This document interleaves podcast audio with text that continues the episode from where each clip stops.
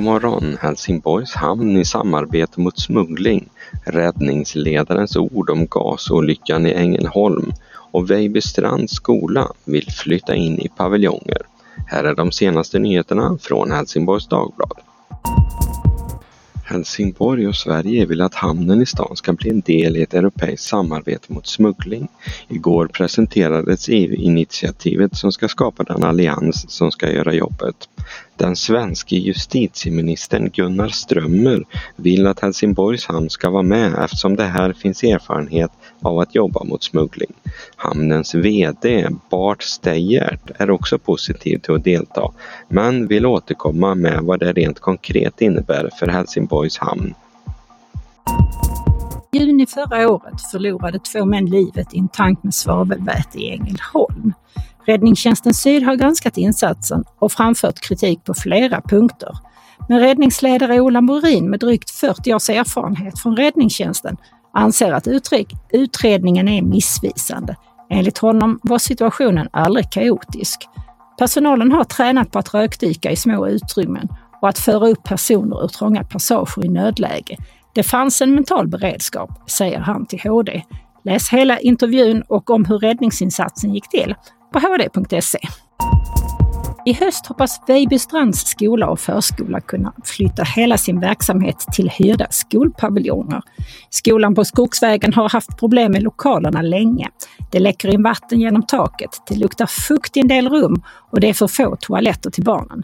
Dessutom är ventilationen ifrågasatt och lokalerna kalla. En helt nybyggd skola på granntomten var länge planen, men det har visat sig bli för dyrt. Så för tillfället så tittar man på andra lösningar, som paviljonger. En pojke i åldern 10 till 14 år stickskadades igår kväll på Rosengård i Malmö. Pojken hittades i ett flerfamiljshus och polisen grep strax därpå flera personer, samtliga pojkar eller män som de beskrivs av polisen. Pojkens skador bedöms som allvarliga av sjukvården när en guldgruva i Mali rasade i fredags dog 73 personer. Händelsen blev inte allmänt känd förrän i tisdags och den aktuella gruvan drevs av allt att döma olagligt. I sådana gruvor har det även tidigare skett olyckor i landet. Dödstalet kan också komma att öka eftersom det befann sig runt 200 personer i gruvan när den rasade. Trots att många gruvor drivs utan tillstånd är de en viktig del av Malis ekonomi. Närmare 80 procent av landets export kommer från gruvindustrin.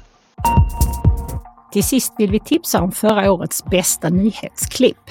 Missade du bröderna Abbott tala ut om skilsmässan från Rögle? Eller det mystiska ansiktet på Rose kyrka, som kanske är djävulen? Eller krokodilsex och konsten att blanda en grogg som ett riktigt proffs? Nu delar HDs fotografer med sig av sina favoritklipp på hd.se. Vädret. Idag väntar ännu en dag med friska vindar under förmiddagen. Den nordvästliga vinden avtar sen under eftermiddagen. Det ser ut att kunna bli en riktigt solig dag. Temperaturen kommer ligga på 4-5 grader under dagen och en grad kallare på kvällen. Det var allt från Helsingborgs Dagblad den här morgonen. I studion Peter Färm och Yvonne Johansson. Läs mer på hd.se. Vi hörs!